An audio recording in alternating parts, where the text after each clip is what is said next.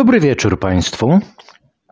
E, witam w drugim odcinku cyklu Świat według Macieja.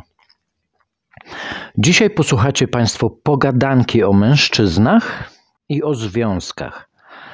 Mm, a skoro o związkach, mm, to znajdą również tu Państwo wycieczki w stronę kobiet, lecz tylko z perspektywy mężczyzny, który ma kilka związków mm, za sobą. E, jednak głównie o mężczyznach.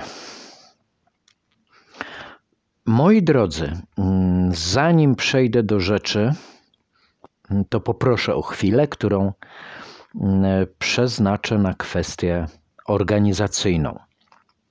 Otóż e, ta audycja będzie długa.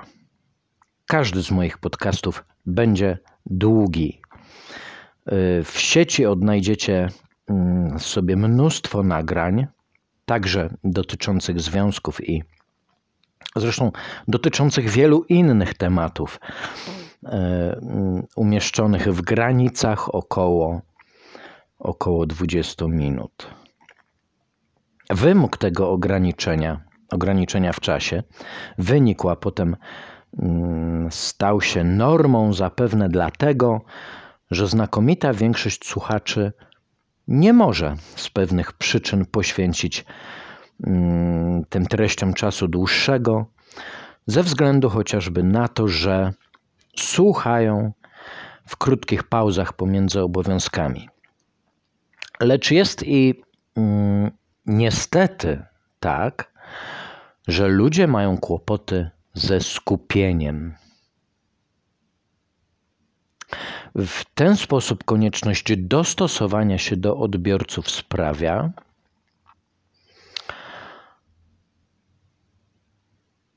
że twórcy traktują, mm, traktują, bo uważają, że muszą. Problemy, które omawiają, mm, hasłowo niemal. A mi nie o to chodzi. Chcę tu przekazywać informacje, przemyślenia, obserwacje w sposób wyczerpujący w dwojakim tego słowa znaczeniu. Zatem poproszę Was, abyście rezerwowali dla moich podcastów nieco więcej czasu i znacznie więcej skupienia. Natomiast mniej cierpliwych słuchaczy informuję, że każdy z moich podcastów będzie miał w zasadzie na bieżąco wersję pisemną, dostępną w moim blogu, do którego link mm, odczytacie w opisie tej audycji. Tyle tytułem spraw organizacyjnych, można więc przejść do rzeczy. Zacznijmy od zjawiska, chociaż nie wiem, e, czy słowo zjawisko jest tu adekwatne. E, bo to coś, co określono mianem kryzysu męskości, jest według mnie modelem kulturowym raczej, a to z racji powszechności występowania. A zatem kryzys męskości. Wpiszcie sobie Państwo w wyszukiwarkę ten termin. Pojawi się niepoliczalne mnóstwo materiałów opisujących ten problem. E, problem. Problem jak najbardziej istnieje. On jest. On jest, z tym, że nie jestem pewien, czy nadal można nazywać go kryzysem. E, kryzys to stan chwilowy, stan przechodni, który, jeśli jest odpowiednio zagospodarowany, prowadzi do wyjścia z niego, a potem do rozwoju. Tymczasem z problemem dość szybkiego zanikania tego wszystkiego, co wynika z określenia, z określenia mężczyzna, mm, z problemem takim, że chłopcy nie wyrastają na mężczyzn, nie poradzi sobie już nikt. Proces degeneracji kulturowych cech męskich to perpetuum mobile. Nieuformowany na mężczyznę chłopak i nierozumiejąca istoty męskości dziewczyna sprowadzają na świat potomka, któremu nie pozwolą stać się mężczyzną, do czego trzy grosze dorzuci kultura, czy raczej antykultura i środowisko poza rodzinnym domem, a zwłaszcza szkoła, y, w każdym razie, w którym od dawna wartości tradycyjnych z jasnym określeniem środowiskowych, społecznych ról dwóch płci już nie ma. I tak w kółko, bez końca, z efektem kuli śnieżnej, która nigdy się nie zatrzyma. Jakiś czas temu, mm, jakiś czas temu z racji mojej pracy, mającej to do siebie, że wykonuję ją w domach i w mieszkaniach przeróżnych rodzin, y, albo tego, co z rodzin zostało, mm, skąd mam jakiś szerszy ogląd y, na to, co ludzie wyprawiają, zwłaszcza ze swoimi dziećmi. Otóż jakiś czas temu byłem uczestnikiem takiego mm, wymownego przypadku. Nieco ponad 30-letnia kobieta, jak najbardziej atrakcyjna, rozwiedziona, samotnie wychowująca ośmioletniego syna. Z pozoru wszystko w porządku. Ładne, mm, świetnie utrzymane mieszkanko, kobieta na dobrym etacie, syn w szkole i e, wszystkie te przesłanki mogące przekonać każdego, kto spogląda sobie na to z boku, że, że jest ok. Ale wcale nie było. E, nie było, bo ta kobieta traktowała syna jak lalkę. E, pewnego dnia zastałem tego dzieciaka umalowanego. Tak, z makijażem i w przefarbowanych na fioletowo włosach. E, zdziwiło mnie to, bo widok był tak bardzo rzadki, groteskowy, przy czym tak przemalowany dzieciak, przypomnę, ośmioletni chłopak, poszedł w takim stanie do szkoły. Miałem wtedy kontakt z sąsiadami tej kobiety, także z racji tej samej mm, pracy musiałem go mieć, musiałem z tymi ludźmi rozmawiać, mm, przy czym ograniczałem to do wymiany jakichś technicznych informacji, mm, unikałem plot, do jakich ludzie zwykle E, są bardzo chętni. E, ale tego samego dnia zapytałem, co z tą kobietą i co z tym dzieciakiem nie jest tak. No i dowiedziałem się tego, że ojciec tego chłopaka był jak najbardziej w porządku, pracowity, spokojny i że poświęcał mm, swojemu synowi mnóstwo czasu, naprawdę dużo czasu. Rower, wyprawy na ryby, tego typu historie, podczas których chłopaka formuje się na mężczyznę. I nagle z jakiegoś powodu nastąpił tam rozwód. Rozwód na zasadzie: Ja ciebie już nie chcę, wypadł stąd. Sąsiedzi byli świadkami w sprawach o rozwód. Mm, byli tymi świadkami na prośbę ojca chłopaka, który nie bardzo zdawał się wtedy rozumieć Mm, o co w tym rozstaniu chodzi. Argument koronny kobiety był taki, że on ogranicza mój rozwój i kształtuje mojego syna w brutalny sposób, a ja nie chcę. I koniec. E, według tych samych sąsiadów, podobno sąd miał poważny problem z ustaleniem przyczyn świadczących o rozpadzie związku. Niemniej wyrok o rozwodzie zapadł. Dzieciaka, tego chłopaka, jak to zwykle bywa, pozostawiono matce, co rozpoczęło dramat, z którym ten dzieciak już pewnie na całe życie zostanie. W kilka dni później ten chłopak zebrał przed domem łomot od jakiegoś znanego mu równolatka przy czym nie bronił się. Po prostu stał, płakał i dawał się oklepywać. Stałem sobie kilka kroków dalej, paliłem papierosa i patrzyłem na tą scenę, zupełnie nie ingerując. Na to wszystko wpadła owa matka, która ruszyła do mnie z wrzaskiem, że nie bronię jej synka. No nie.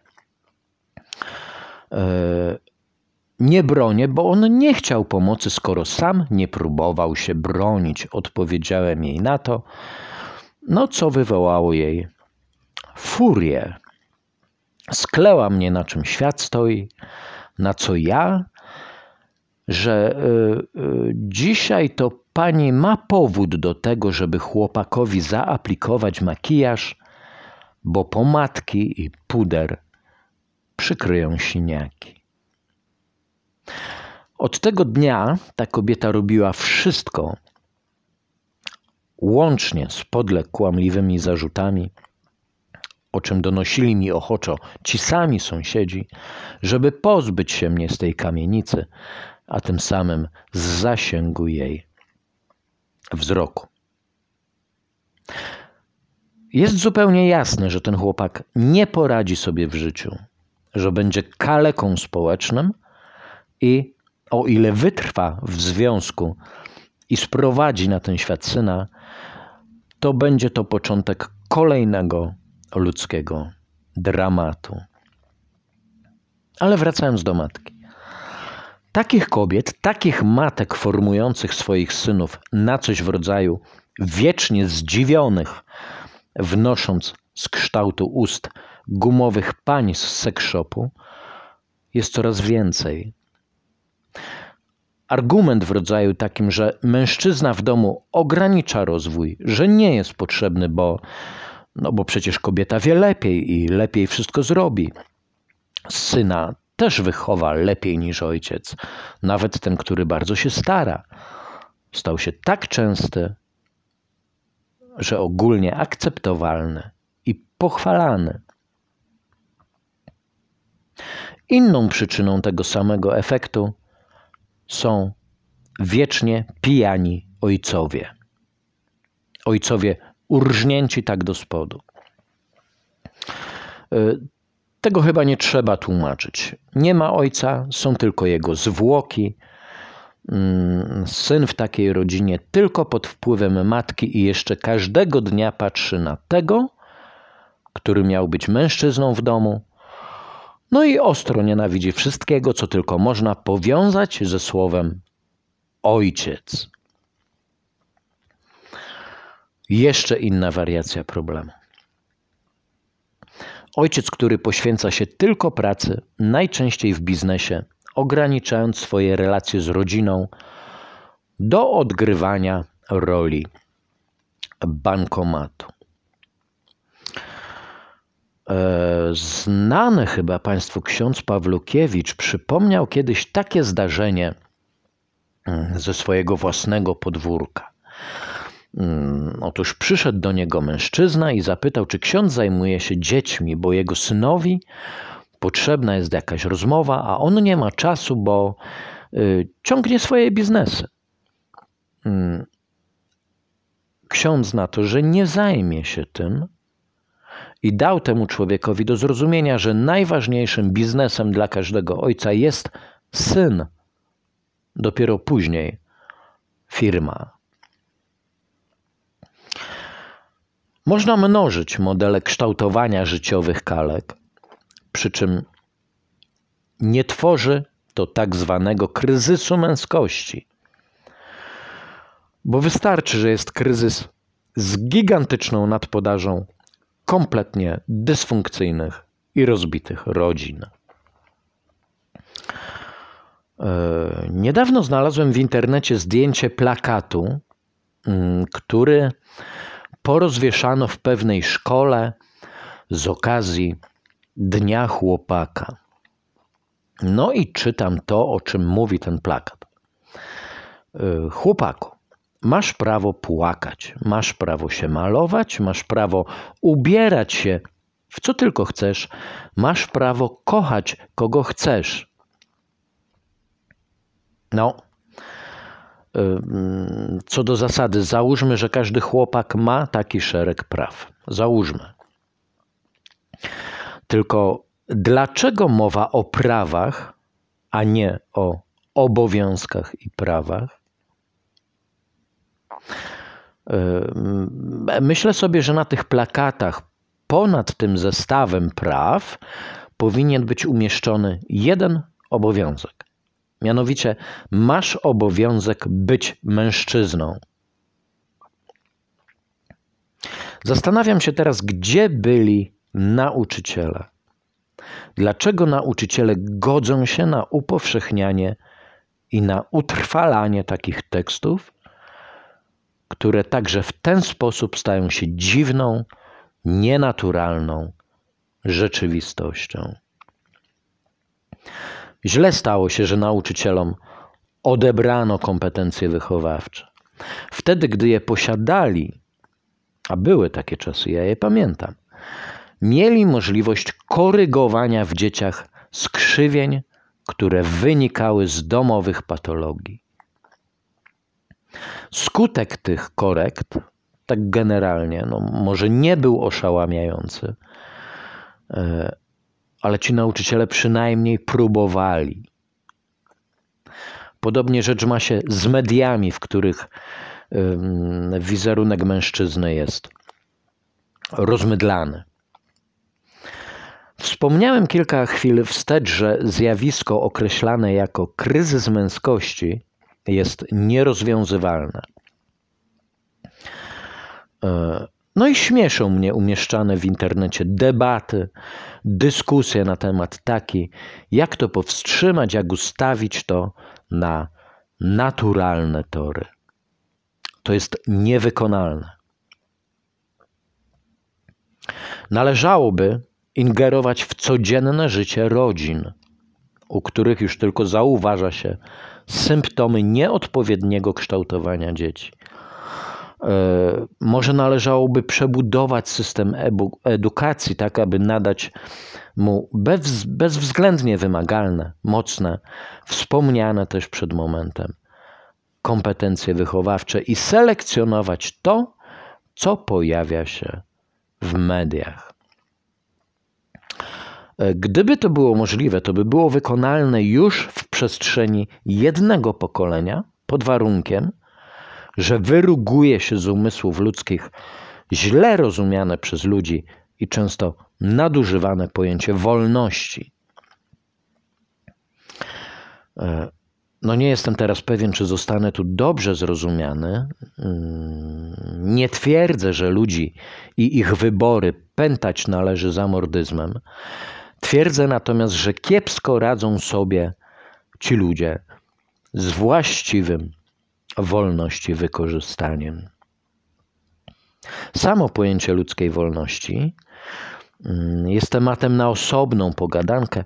Oszczędzę Wam więc tutaj mm, wycieczek w tę stronę. Mm, tak więc jest to inwazyjny zabieg na ludzkiej mentalności i już tylko to czyni taki pomysł zupełnie niewykonalnym. Moje drogie, szanowne słuchaczki, pozwolę sobie w tej chwili na poradę. O ile zamierzacie wkroczyć w związek z chłopakiem, o ile szukacie mężczyzny, z którym związek będzie udany, w sensie takim, że e, dobre emocje, poczucie bezpieczeństwa, opieki, nawet jakieś poczucie szczęścia, choć to akurat mm, to szczęście, to szczęście jest obarczone z subiektywnymi wyobrażeniami. E, dalej, poczucie odpowiedzialności. Mm, no to mm, argumenty w rodzaju urody, prezencji, majątku przenieście raczej do tyłu, na koniec listy z wymaganiami. Najpierw sprawdźcie wszystko to, co działo się w jego rodzinnym domu. I zróbcie to bardzo dokładnie. Wychowywała go tylko matka? Do widzenia. Bo nie podniesie założenia rodziny, nie podała obowiązkom, a tym bardziej nie będzie uczestniczył w wychowaniu dziecka. W domu był alkohol, który był problemem dla jednego lub dwojga rodziców? Do widzenia. O ile sam się nie zdegeneruje, to szereg patologicznych zachowań, także wobec dziecka, przeniesie do waszego domu. Rodzice byli zagonieni w pogoni za biznesem, kupowali mu wszystko, w tym być może mieszkanie i samochód. Żegnaj, bo taki ktoś nigdy nie uwolni się od roszczeniowych postaw i zbaranieje zawsze, ilekroć dotrze do niego, że coś może nie przyjść łatwo. W jego rodzinie była przemoc? Żegnaj. W waszym domu będzie ta sama przemoc, o ile nie gorsza.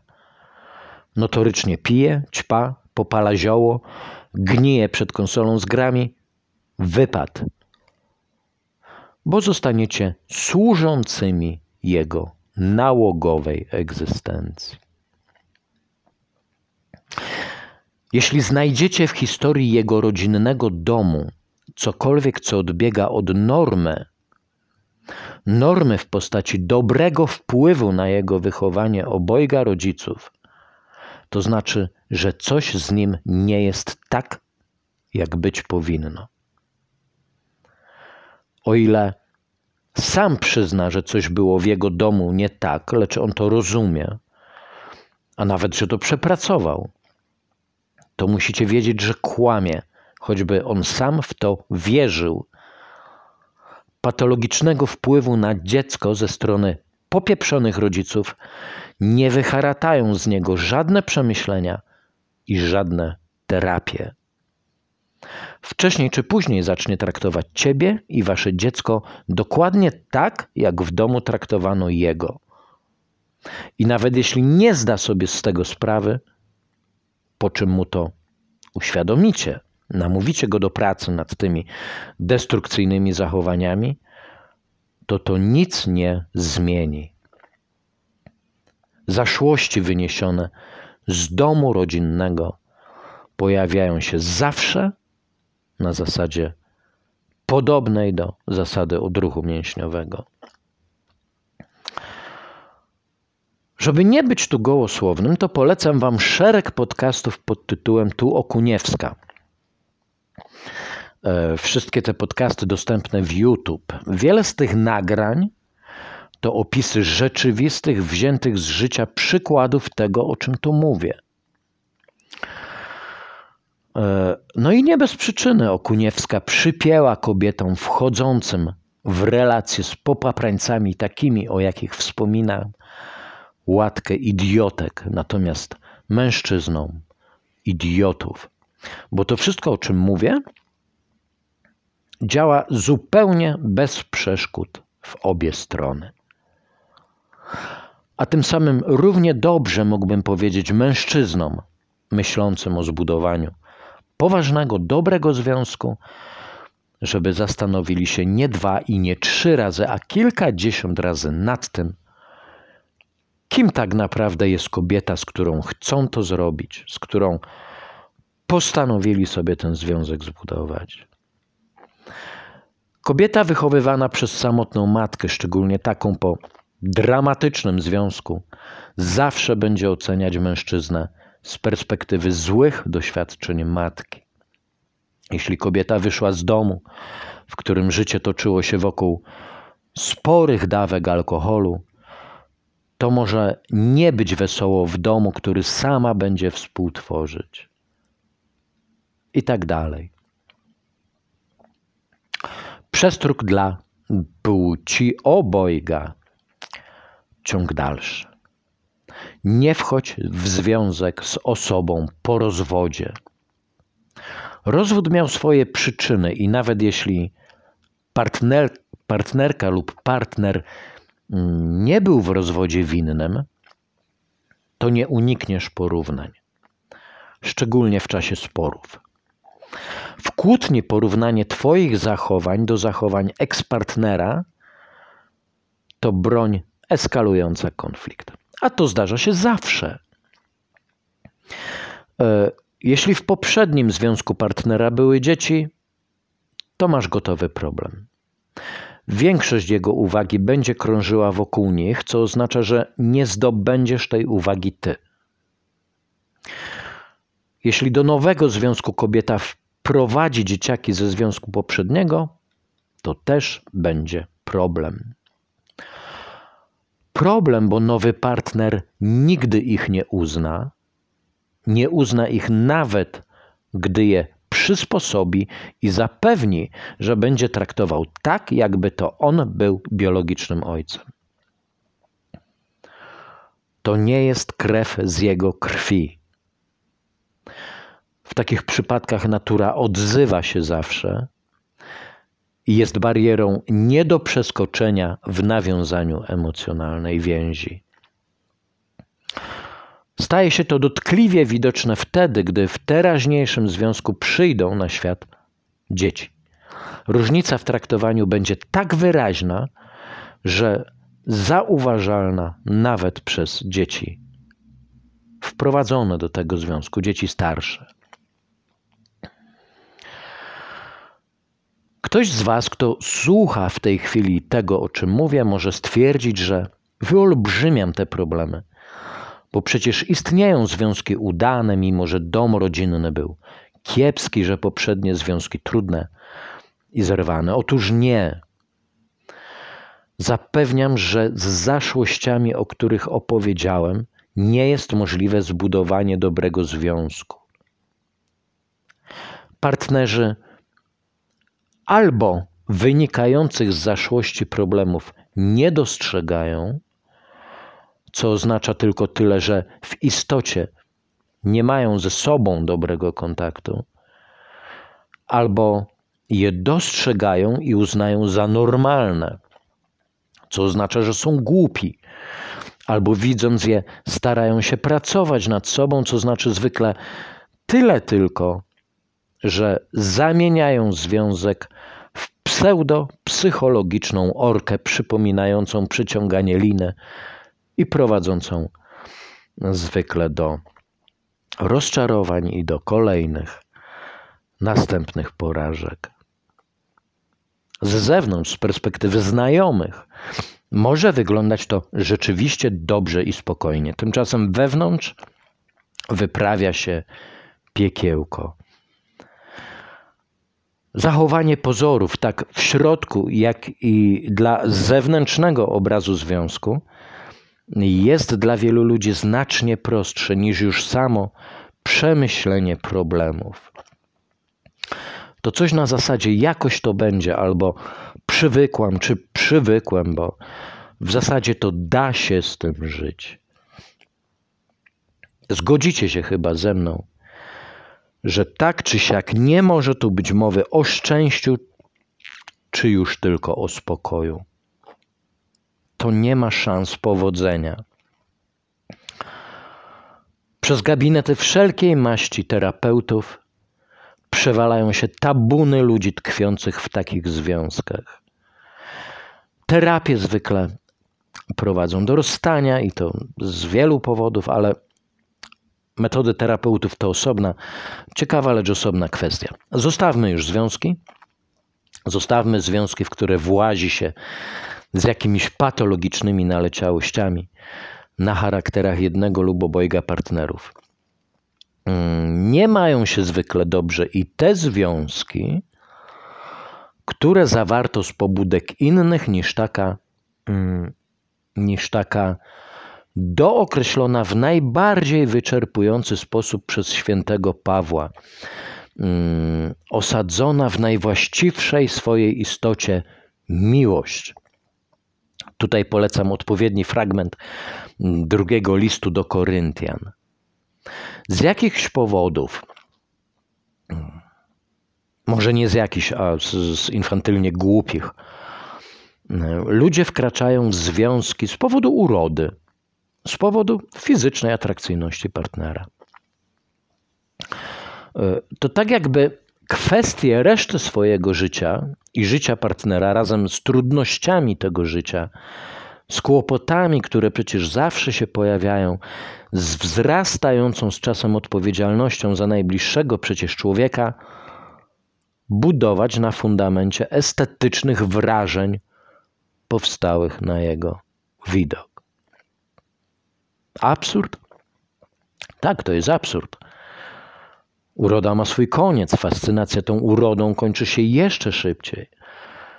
Zaczyna się proza życia, piętnowana kłopotami wynikłymi stąd, że znało się tylko nader urodziwą powierzchowność partnera, w istocie nie wiedząc o nim absolutnie nic.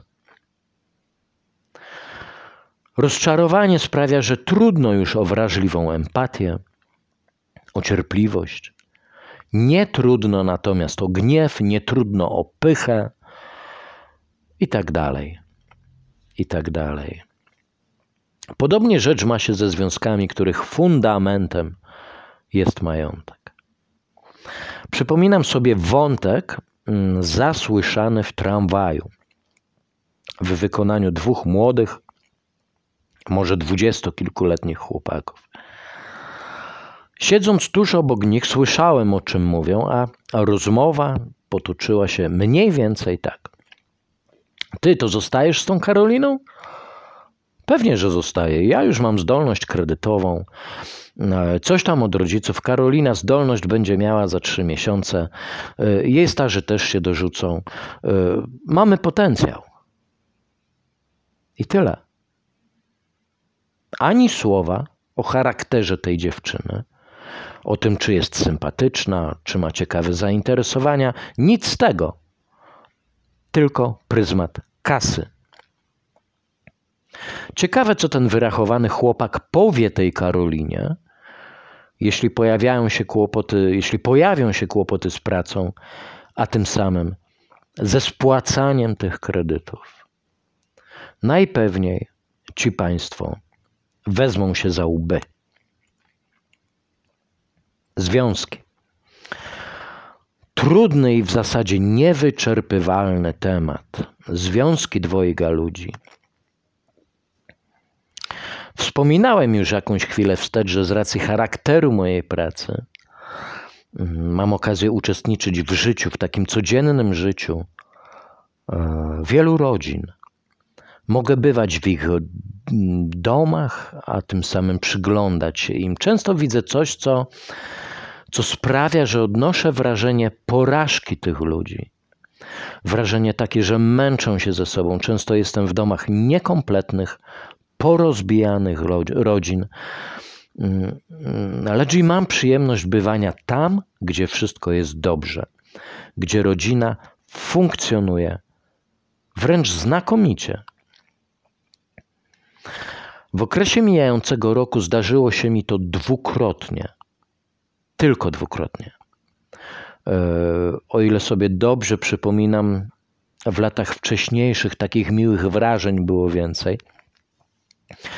E, gromadka szaleńczo energicznych, roześmianych dzieci, rodzice naprawdę poświęceni wypełnianiu swoich ról, świetnie uzupełniający się w takim zadaniu, wszyscy odnoszący się do wszystkich z szacunkiem, bez cienia wyższości, bez roszczeniowych czy mm, e, pretensjonalnych wycieczek, bez złości czy irytacji, bez pychy, sprzeczności dyskutowane w spokoju, z argumentami, którym nie brakowało logiki. Uwierzcie mi, był to tak niesamowity widok, że odbierałem go tak, jak odbiera się obraz ideału. W obu tych przypadkach aż musiałem zapytać: Proszę mi powiedzieć, jak wy to robicie? I w obu przypadkach usłyszałem coś, co sprowadza się generalnie do czegoś takiego. Poświęcamy sobie większość czasu, słuchamy się nawzajem, rozmawiamy, rozmawiamy dosłownie o wszystkim. Umiejętność słuchania i wysiłek zrozumienia tego, co się słyszy, i rozmowa dosłownie o wszystkim sprawiają, że nie może już być miejsca dla najmniejszych wątpliwości i jakichkolwiek domysłów. Z kolei brak wątpliwości i brak przestrzeni dla domysłu wyklucza nieporozumienia i wyklucza konflikt. To wymaga wysiłku, lecz to zdaje egzamin. To po prostu działa.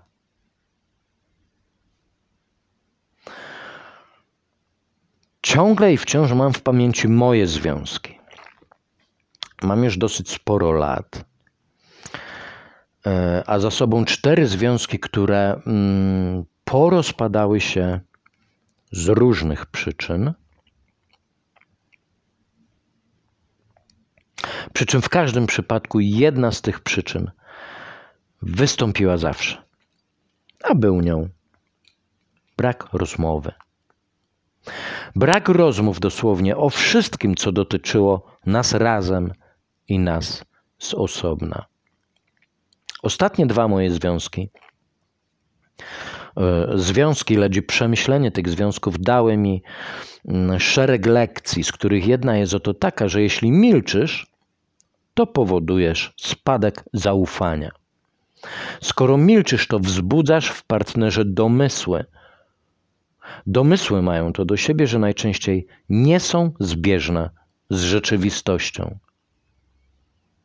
Kończy się poczucie bezpieczeństwa.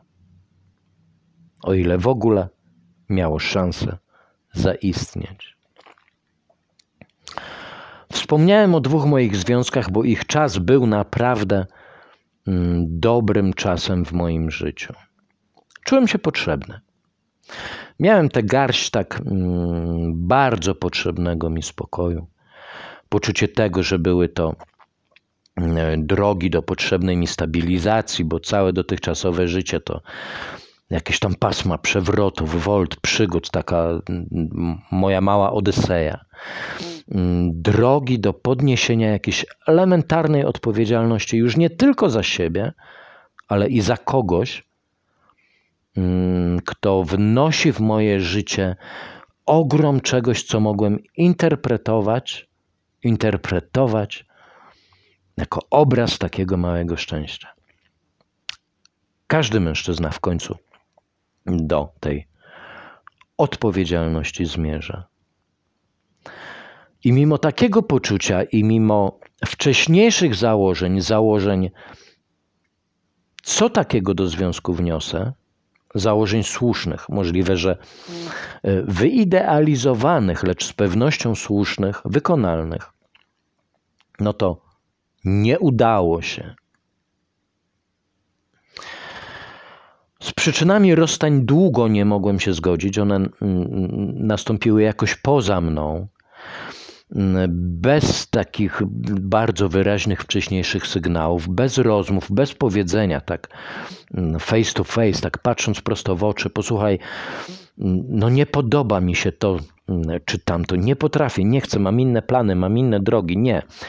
To przypominało raczej ucieczkę, nabranie bezpiecznego odległością, moją nieobecnością, dystansu w którym słowo odchodzę miało wystarczyć i mm, wszystko zamknąć.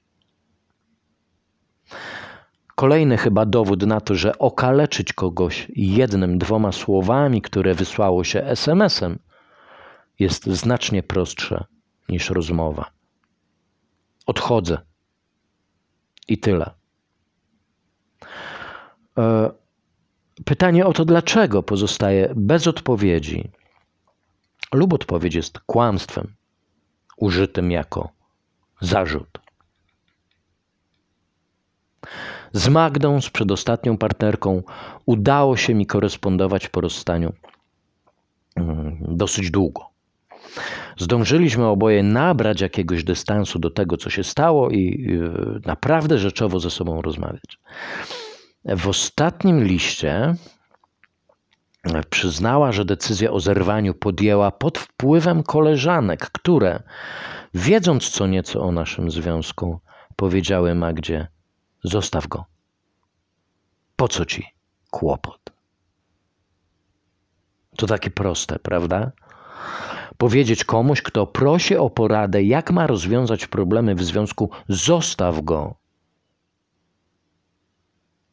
A ja, głupi,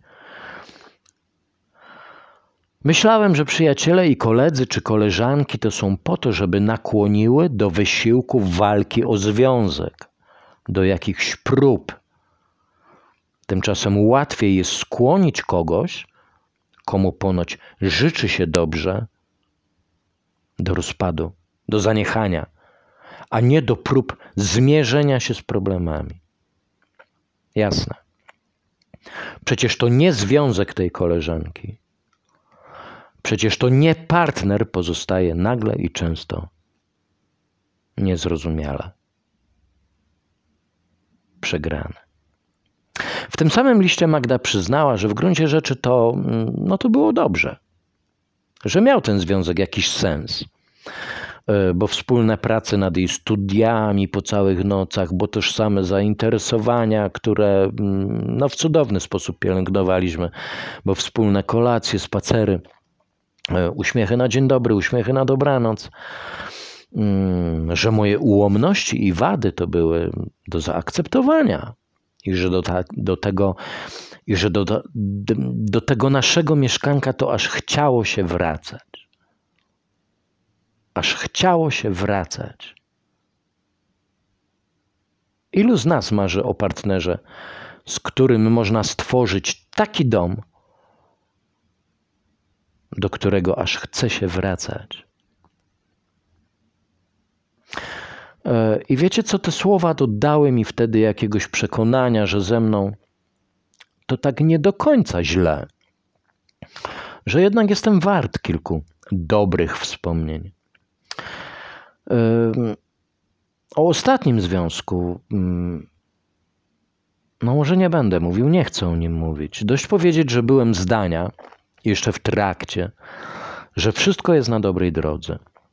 Nie było problemów nie do rozwiązania. W okresie trzech lat zaledwie dwie kłótnie i, i, i, dlatego, że dwie, to tak je pamiętam. Wszystko układało się niby dobrze. E, niby, bo w ostatnim okresie coś układało się źle.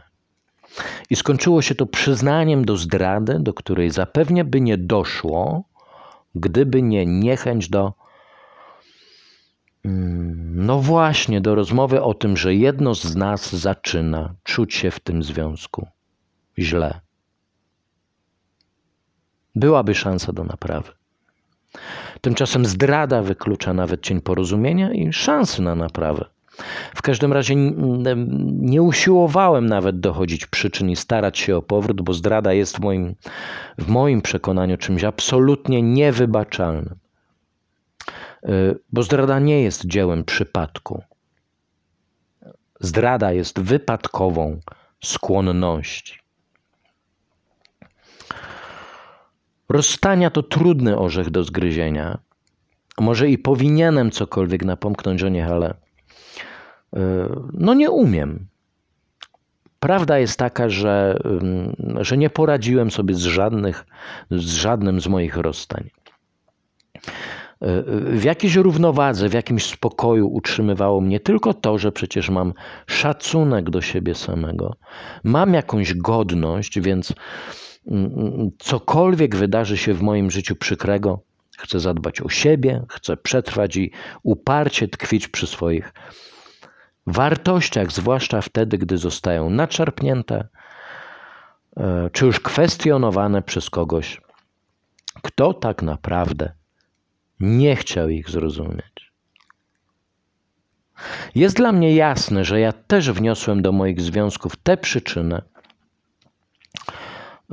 które o rozstaniu zadecydowały. Chyba świetnie sprawdza się tu zasada, że przecież nikt nie jest bez winy. Myślałem o tym wiele razy i dzisiaj jestem przekonany, że nie było to nic, co wykluczałoby rozmowę, nie było to nic, czego nie byłbym w stanie zmienić, gdybym tylko dostał jasną informację, że mam w sobie coś, co z punktu widzenia dobra, czy już tylko dobrego samopoczucia partnera wymaga zmiany. Tym bardziej, że żaden człowiek będący w związku nie jest w stanie dokonywać kompletnej samooceny. Często nie zdaje sobie sprawy, że któryś z jego zachowań może być niezrozumiałe dla partnera. Wiedza o tym, świadomość tego wymaga informacji drugiego człowieka, najlepiej tego, który patrzy na to stale, każdego dnia. Te najwartościowsze, najbardziej celne informacje mogą pochodzić tylko od najbliższej osoby. Pamiętam taki epizod z mojego ostatniego związku. Przyjechałem po kilku miesiącach rozstania związanego z moją pracą, z pracą, mm, z którą wiązałem poważniejsze nadzieje na przyszłość, na którą musiałem przerwać ze względu na te wszystkie sanitarne ograniczenia. Runęły mi plany, runęły nasze plany, widoki mm, na następną pracę y, były niejasne. Czułem się z tym fatalnie, tym bardziej, że no, poprzedni miesiąc poświęciłem na szukanie takiego wyjścia z tej nieoczekiwanej zmiany, które pozwoliłoby mi mm, te nasze plany utrzymać przynajmniej w chwilowym zawieszeniu. Co? Mimo starań, zakończyło się fiaskiem. Gdzieś w sobie miałem świadomość tego, że to wszystko uda się wyprostować i poukładać, ale wątpliwości, zmęczenie, nerwy poświęcone tej miesięcznej próbie, zatrzyma próbie zatrzymania katastrofy w miejscu znacznie lepszym niż znalazłem się tego dnia, dały o sobie znać. Rozleciałem się. Powiedziałem partnerce o tym, mm, mm, nie mając w związku z tym większych oczekiwań, oprócz spojrzenia na moją sytuację z boku, tak na świeżo, co mogłoby być pomocne w znalezieniu rozwiązania. Jak sobie przypominam, chodziło mi przede wszystkim o to, żeby miała jasny obraz mnie wtedy i znała przyczynę moich, no, dalekich od beztroskich i wesołych zachowań. Wysłuchała uważnie i cierpliwie, mimo, że, że był to podlewany emocjami monolog znacznie dłuższy i z pewnością trudniejszy od wszystkich tych, E, którymi raczyłem ją dotychczas. Jestem przy tym pewien, że był, mm, że był zrozumiały dla niej. Zatem tym bardziej zdziwiło mnie to zdanie, jedyne zdanie, które powiedziała w odpowiedzi. Może powinieneś z kimś porozmawiać. No nie sądzę. Z pewnością nie byłem w stanie, który wymagał fachowej interwencji. Nie zastygłem w jakiś około depresyjnej beznadziei. Nie ogłosiłem kapitulacji, przeciwnie, nadal robiłem cokolwiek, co tylko akurat wtedy było w moim zasięgu, nadal szukałem jakichś rozwiązań. Po prostu czułem się wtedy z tym wszystkim źle, co przekładało się na mój podły nastrój, z pewnością przez nią odczuwalny. Chciałem, żeby wiedziała o co chodzi, co jest powodem moich kiepskich zachowań i żeby przemyślała, co można z tym zrobić i tyle. To znaczy, z mojego punktu widzenia to i tyle. Nie spodziewałem się usłyszeć czegoś takiego w odpowiedzi. Potraktowałem to jako spychologię, jako coś podobnego do y, nie martw się, wszystko będzie dobrze, albo to nie problem, ja to mam, ja to miałem znacznie gorzej, lub jakieś otrzaskane współczuję. Już lepiej wybrzmiałoby: Nie wiem, co mam ci powiedzieć. Nigdy nie byłam w takiej sytuacji, ale usiądźmy, usiądźmy, zastanówmy się razem, znajdźmy rozwiązanie. Z problemów, a tym samym z kiepskich nastrojów, rzecz jasna, wylazłem, wszystko wróciło do normy i tylko przez to powinienem o tej niefortunnej odpowiedzi zapomnieć. Ale nie zapomniałem. Utkwiło to jakoś we mnie. Zresztą przyznajcie sami, że tego rodzaju odpowiedzi nigdy niczego nie wnoszą. Z pewnością nie poprawiają ani sytuacji, ani samopoczucia tego, który opowiada o swoich kłopotach. I może dlatego, że takie głupie odpowiedzi są w zasadzie normą, to coraz mniej ludzi jest skłonnych do opowiadania o złych momentach w swoim życiu. Czyli jesteś dobrym partnerem do rozmowy tylko wtedy, gdy gadasz o sukcesie, a i to nie zawsze, bo nigdy nie wiadomo, w którym momencie podziw słuchaczy zamieni się w zawistną zazdrość. Myśląc o tej pogadance, której teraz słuchacie, myśląc o jej mm, przesłaniu, wpadłem na pomysł, aby tak bardzo dokładnie przeglądnąć portale randkowe. No bo tkwię w założeniu, że każda bliższa znajomość zaczyna się od rozmowy. No i na największym z tych portali założyłem sobie konto. Powypełniałem wszystkie rubryki zgodnie z prawdą. W końcu nie mam się chyba czego wstydzić. Z tym, że w rubryce wymagania wobec partnerki napisałem: Nie mam wymagań. Szukam przyjaźni lub związku, e, lecz zanim dojdzie do spotkań, chcę przez jakiś czas rozmawiać.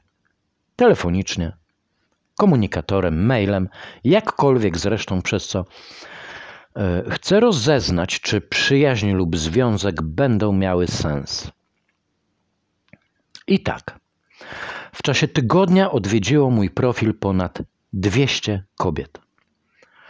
Lecz oprócz faktu odwiedzin nie było żadnej reakcji.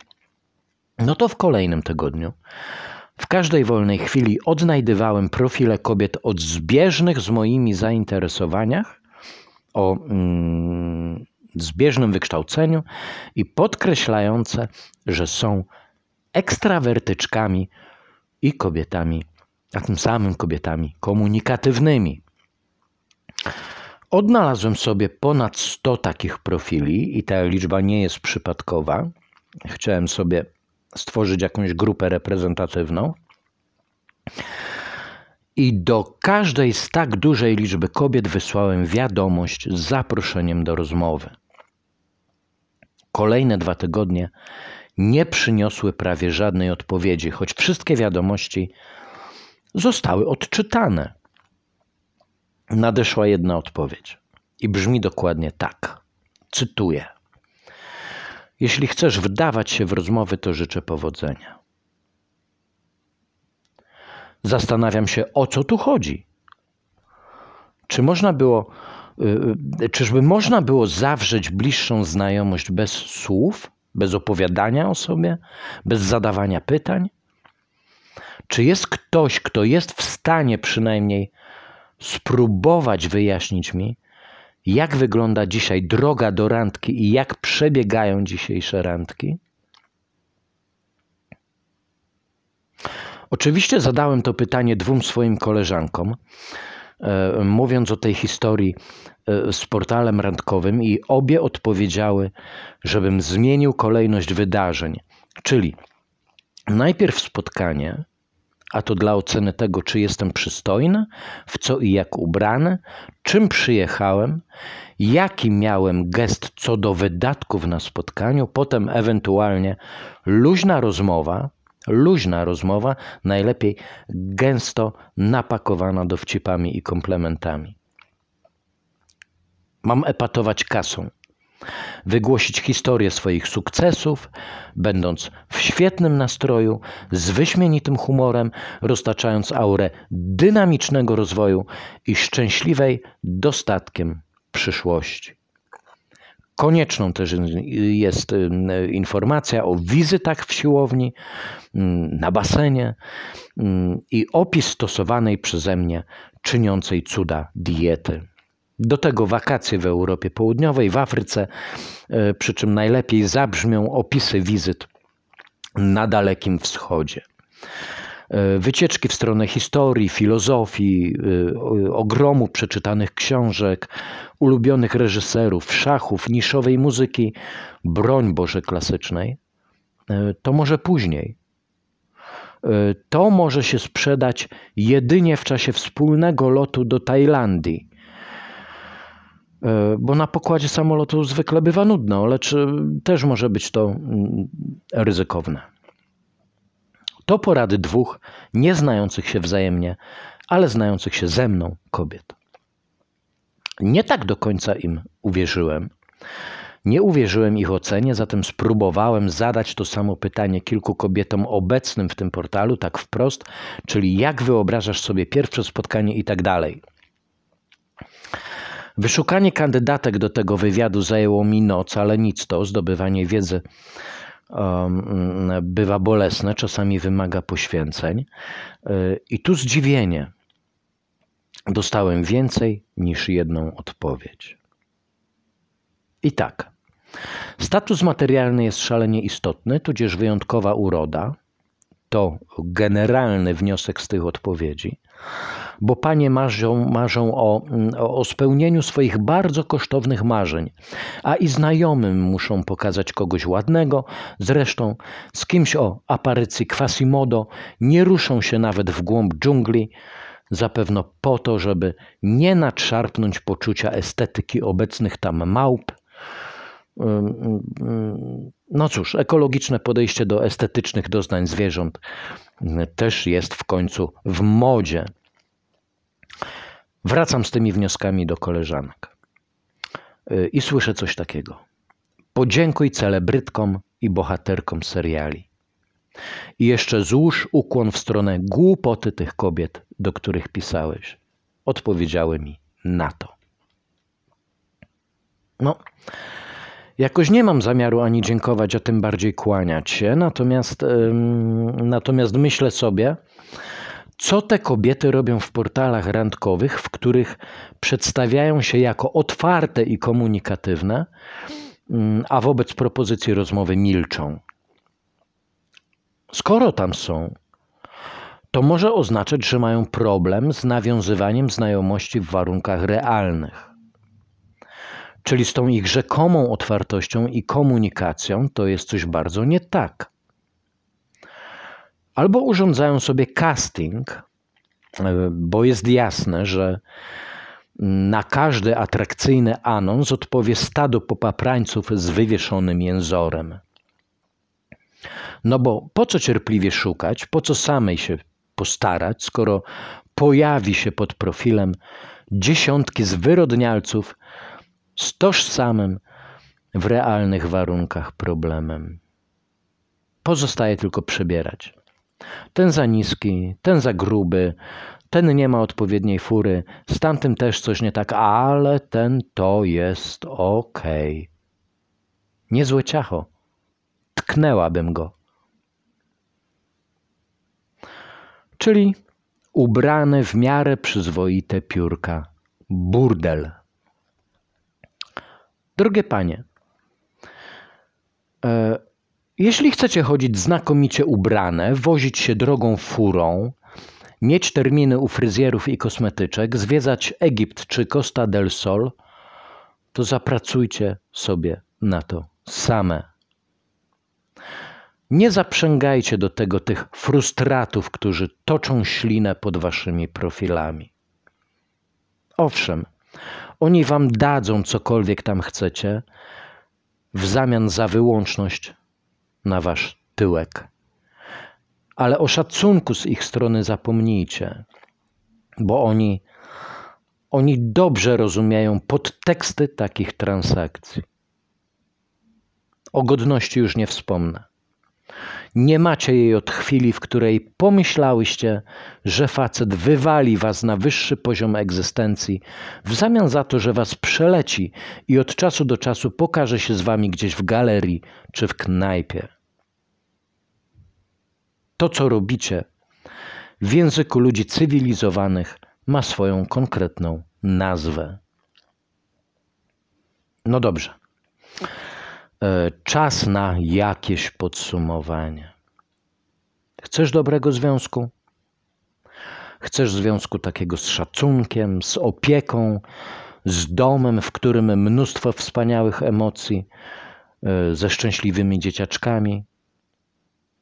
No to uważaj na to, kogo do tego związku zapraszasz. Potem przemyśl, co możesz z siebie dać. Nie otrzymać, a dać. Potem to pielęgnuj każdego dnia i tej pielęgnacji wymagaj od partnera. Mów o swoich obawach, rozterkach, niepewnościach, wątpliwościach, porażkach, sukcesach, radościach. Mów, rozmawiaj. I przy tym wszystkim uważnie słuchaj tego, co partner ma ci do powiedzenia. Taki związek, a później z tego związku rodzina, to coś najistotniejszego w życiu. Bo to jest centrum Twojego wszechświata, za którym jest tylko czarna dziura. I utrwal sobie znaczenie pojęć: szacunek, lojalność, cierpliwość, pokora i praca. Związek to pracowita odpowiedzialność. Czyli nie część ramówki telewizji śniadaniowej, nie serialowy epizod, nie transakcja handlowa i nie plac zabaw tuż obok McDonalda.